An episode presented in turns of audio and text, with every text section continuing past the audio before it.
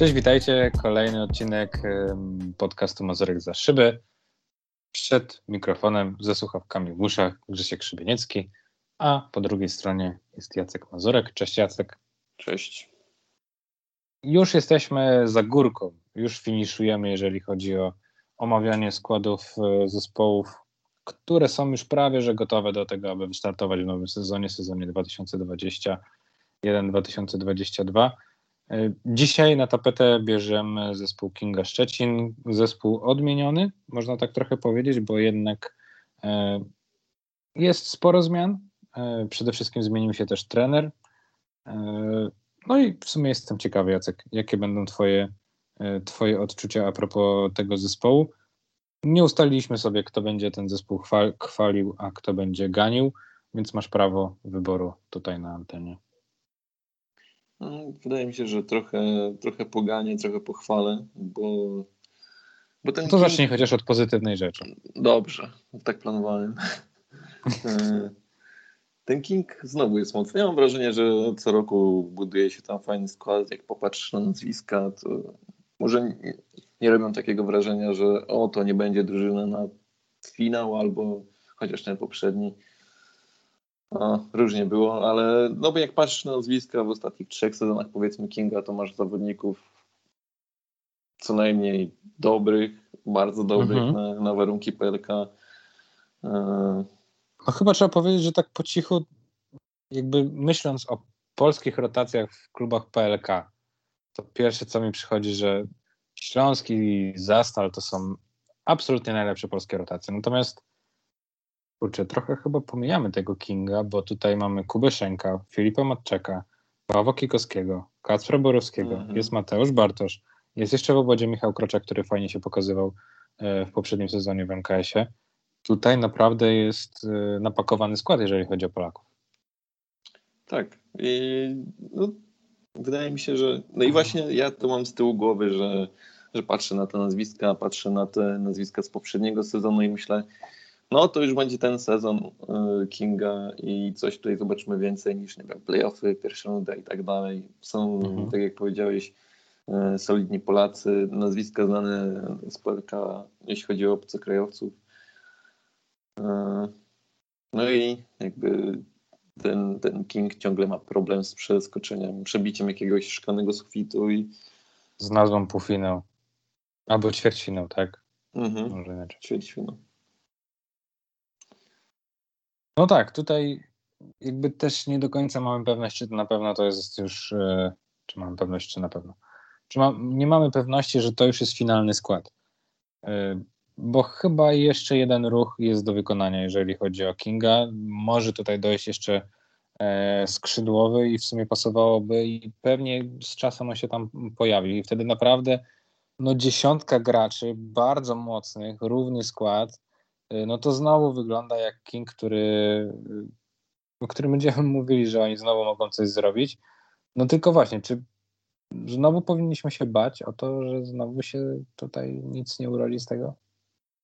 Tak, myślę, że, że powinniśmy się bać, bo, bo to jest King. To jakby co roku, co roku coś jest nie tak. Jeśli. E, jeden, ja, jeden... Nic nie, ja nic nie sugeruję, ale może po prostu trzeba tam trochę się ślizgnąć z dwoma wypłatami i będzie lepiej. Wydaje mi się, że, że co roku jest jakaś rzecz, która w tej drużynie nie wypala i nie wypala tak, że blokuje to ich potencjał. Mhm. Albo to jest kwestia trenera, albo to dają wielką gwiazdę, która nie robi różnicy. No, jakby widzieliśmy gorsze drużyny, które zachodziły zdecydowanie dalej niż y, mhm. personalnie, niż to, co miał King nie wiem, w ostatnich latach.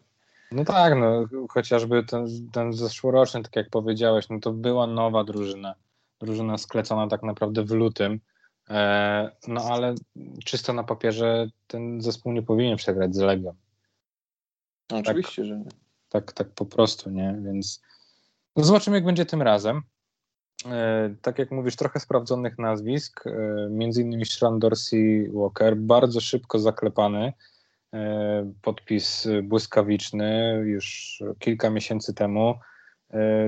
Jesteś fanem tego ruchu, że ten zawodnik zostaje w PLK? Tak, tak, jak najbardziej. Mi się podobał, podobała jego gra w starcie Lublin i super, że zostaje. Mhm. Duże, mocne rozwinięcie, nie powiem.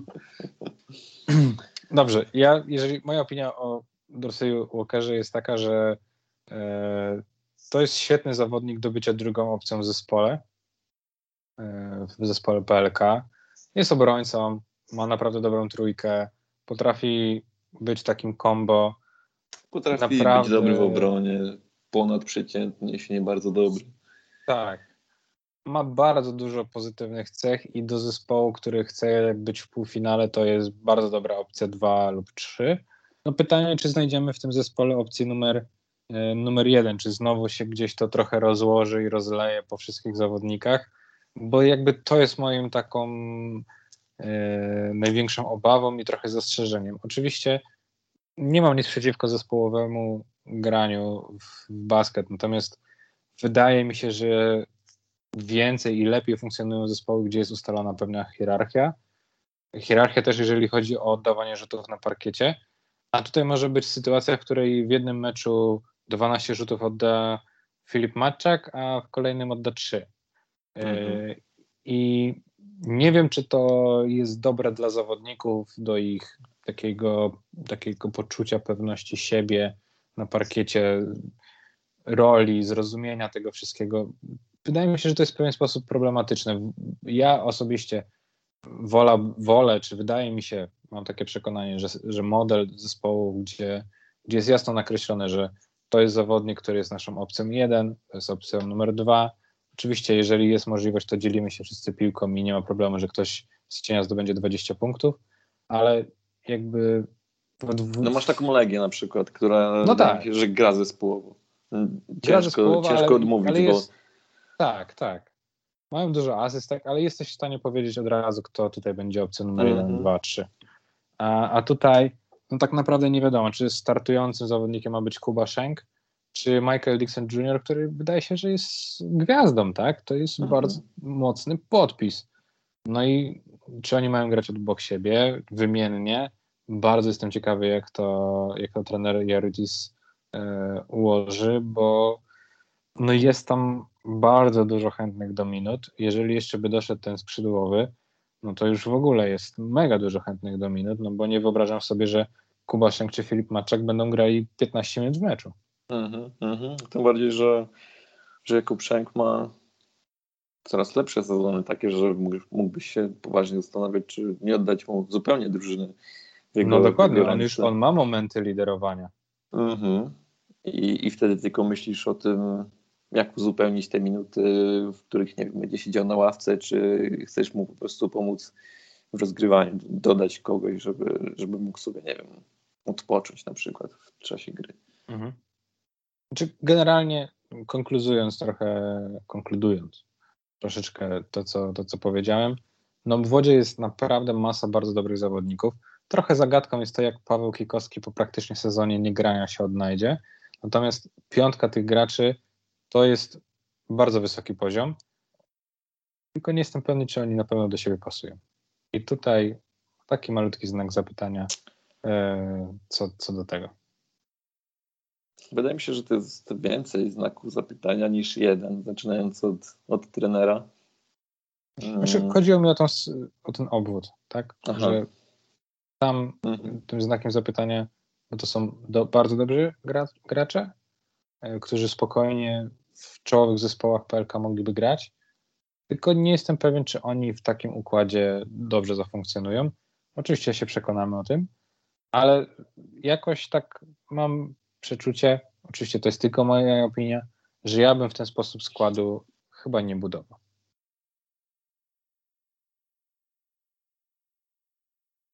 Tak. Hmm.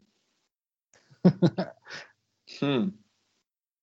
A co znaczy nie budowałbyś ze względu na, e, na to, że masz tak dobrych graczy z ławki, o tym mówisz, rozumiem?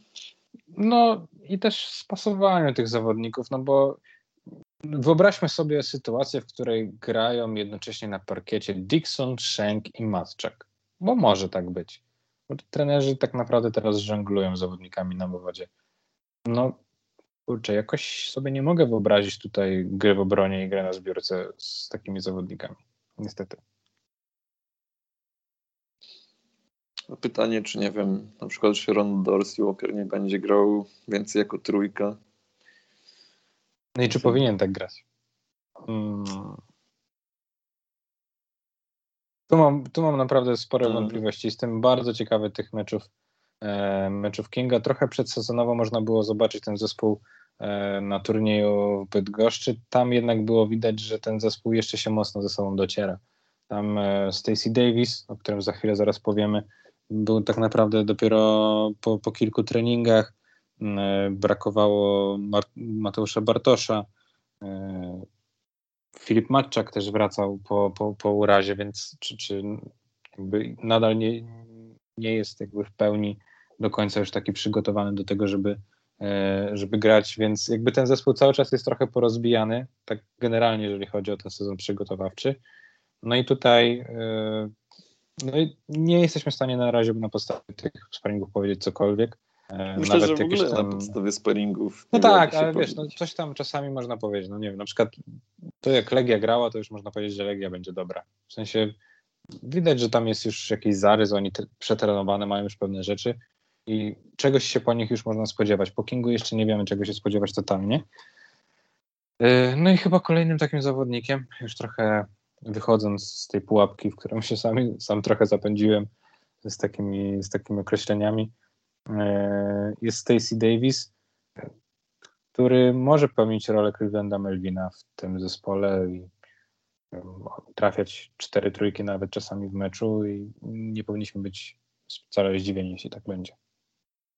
Tak, ma takie możliwości. Natomiast e, ja bym poszedł tutaj w nieco innym kierunku, bo masz e, Davisa i Salicza.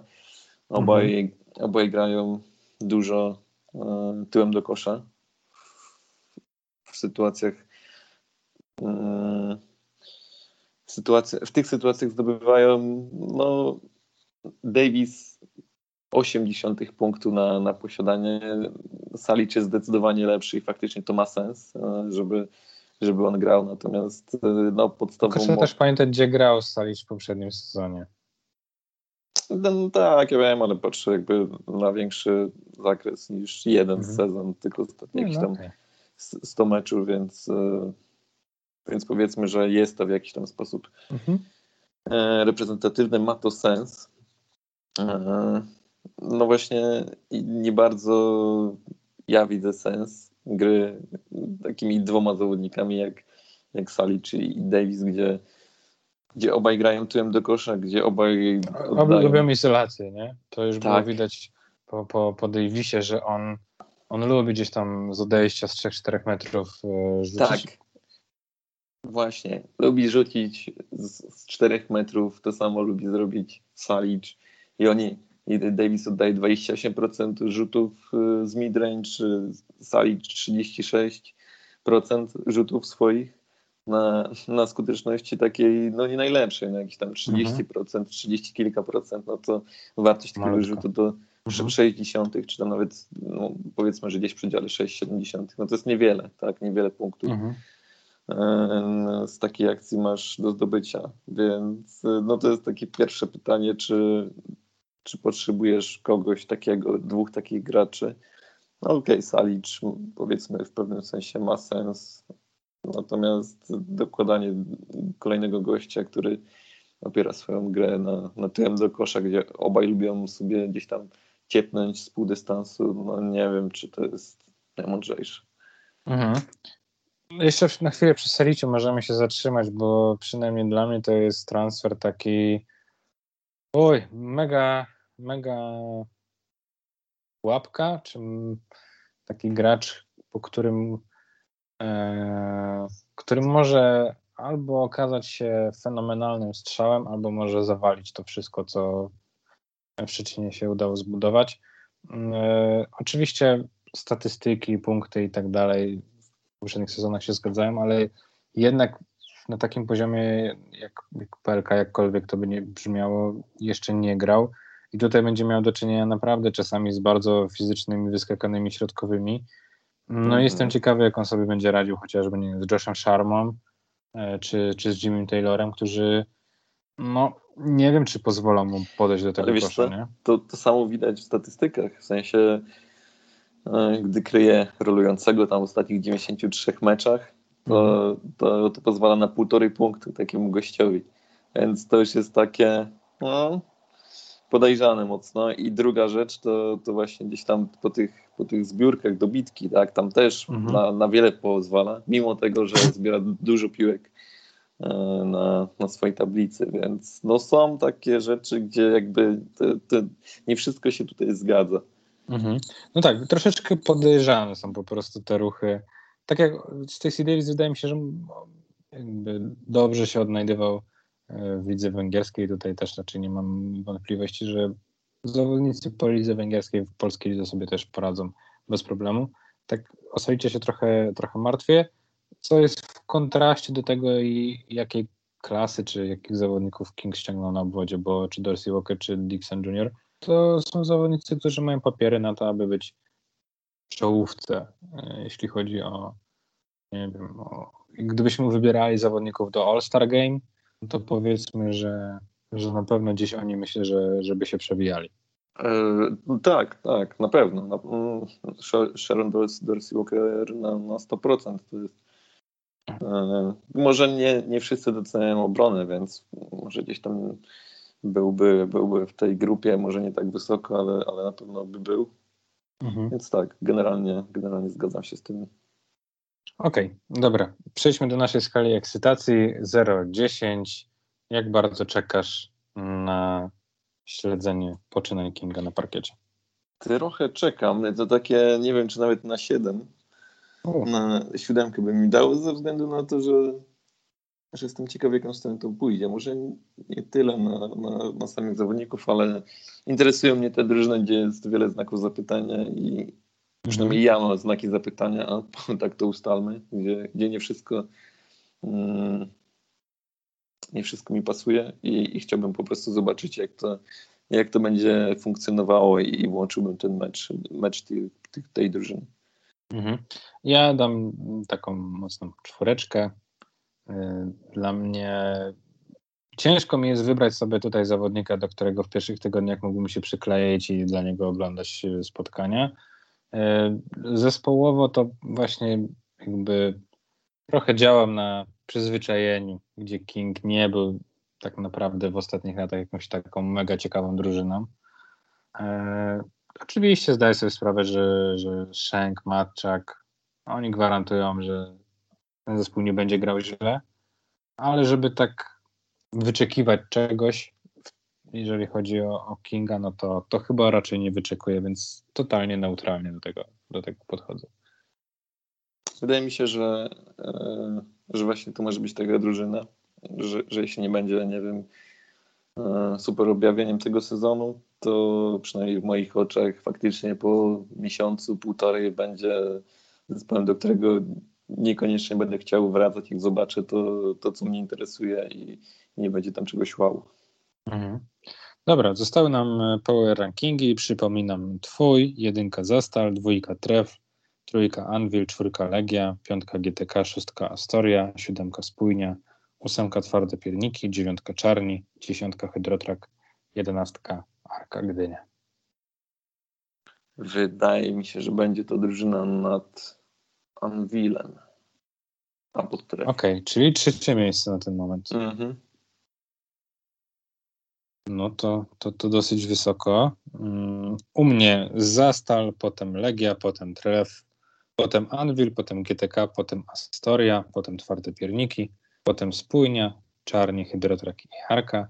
I u mnie King ląduje pod Anvilem, czyli to będzie u mnie piąte miejsce między Anvilem a GTK, które będzie pod tym, pod tą drużyną. Na razie Gdyby tam był jeszcze ten może skrzydłowy, to może bym tu zmienił zdanie, ale za bardzo podejrzany jest dla mnie Diego Salic. Nie wiem, jak się ro, rozegra hierarchia na obwodzie i czy troszeczkę nie będzie tak, że każdy sobie rzepkę skrobie.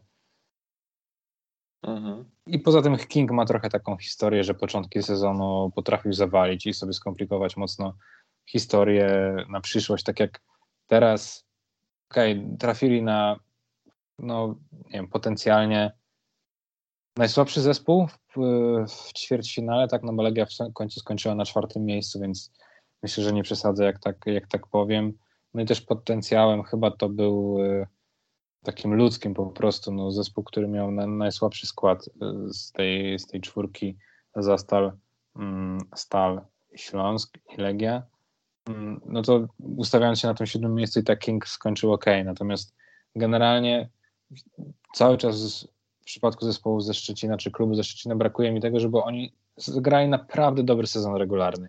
No nie pamiętam, kiedy oni zagrali dobry sezon regularny, tak, taki, taki płynny. że mm -hmm. płynny, bez żadnych dołków, taki, żeby wygrali 66% meczów, czyli tam 20 z 30 i pewnie skończyli sezon na czwartym, piątym miejscu. Zawsze tam są jakieś przeboje, zawsze jest jakaś historia, że King nie awansuje do Pucharu Polski, bo coś tam kurczę, tutaj musi być dobry start, od początku dobra gra i yy, jeżeli tak będzie, no to, to może w końcu coś, coś z tego sezonu uda się pozytywnego wyciągnąć. Zgadzam się w 100%. Dobrze. Na dzisiaj kończymy w takim razie. E, King omówiony. Zostały nam jeszcze cztery drużyny. Wyczekujcie, bo już niedługo się pojawią te podcasty. Żegnają się z Wami Grzesiek Krzybieniecki, Jacek Mazurek. Szukajcie nas też, czy to na Twitterze, czy na Polski Kosz Premium, gdziekolwiek chcecie. No i cóż, do, do następnego razu. Trzymajcie się.